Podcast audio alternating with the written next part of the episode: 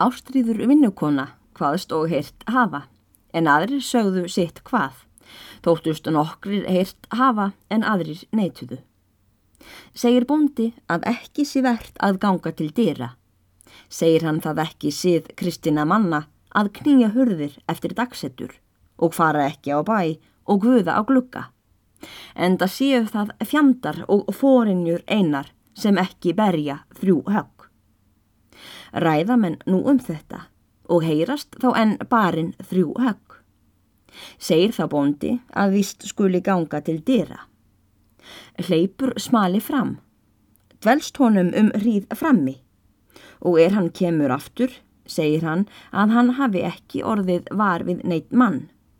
Hveðst hann hafa gengið í kringum allan bæin en ekki séð neitt mann, en hundarnir hafi allir hlaupið út með gelti og spangóli. Þetta þótti mönnum allir kynlegt, en ræða þó fátt um. Tekur þóstinn en að kveða og kveður um hríð og líður á setni hlut vöku. Heyra menn þá að hundar taka að gelta ákaflega í bæjarderum og líður ekki á löngu áður menn verða þess varið að klifrast er upp á baðstofuhliðina hinn að siðri og þessu næst er lagst ofan að glukka þeim sem var yfir sæng húsfreyju. Hleypur Sigurður bóndi þangað en komumadur kallar á glukkan og segir Hér sé Guð, sælt veri fólkið. Guð blessið þig, svaraði húsbóndi og stakki nefinu sem þjættast verða mátti út að glukkanum. Hvað heitir maðurinn? Hallvarður Hallsson. Hallvarður, saði bóndi, Hallsson. Þekkirðu hann nokkuð, geska, sagði bóndi við konu sína. Nei, sagði húsfreyja. Spurðu hann hvar hann eigi heima. Bóndi stakk enn nefinu að glugganum og kallar út. Hallvarður, segir þú, hvar áttu heima? Ha, ég ætla að byggja að lofa mér að vera í nótt, sagði afkomumadur. Því ekki heyrði hann hvers Sigurður spurði. Það skal verða komið ofan til þín. Hvar áttu heima? Sunnan af landi, sagði komumadur. Sunnan af landi segist hann vera, sagði bóndi. Þórdis mín, láttu hanna ástríði koma á eftir með ljós. Ég fer til dýrana. Bóndi gjur nú svo sem hann hafi sagt. Gengur til dýra og fer ástríður vinnukona brátt eftir honum með ljós. Kemur bóndi að skamri stundu liðinni aftur og leiðir komumann.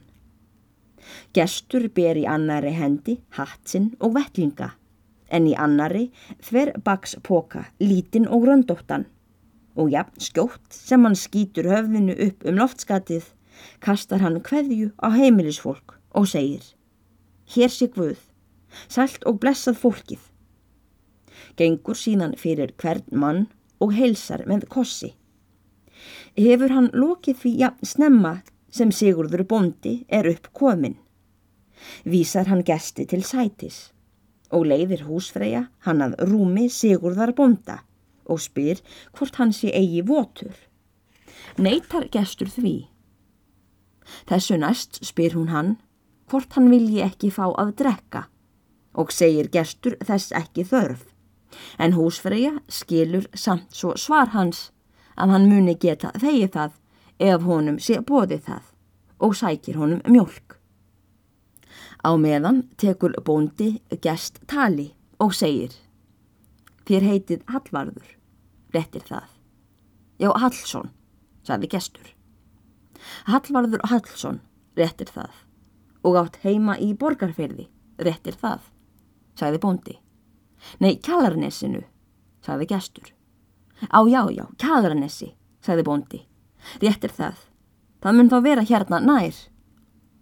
Það kemur allt ann upp á hvern vegin maður fer. Fari maður samt og kaldadal, þá get ég trúað að það sé jafn kortara. Sé farið fyrir ók og arnarvatseifi, þá munu verða áhöldum. En skemst verður að fara eins og ég er vanur.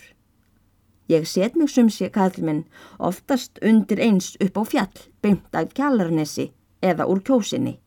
Ellegar ég fer inn með kvalferði, drýf mig upp fyrirlinn, tek síðan kossin og trekki mig fjallasín fram hjá öllum jöklum og kem svo hverki til byggða fyrir enn í skagaferði eða einhver staðar.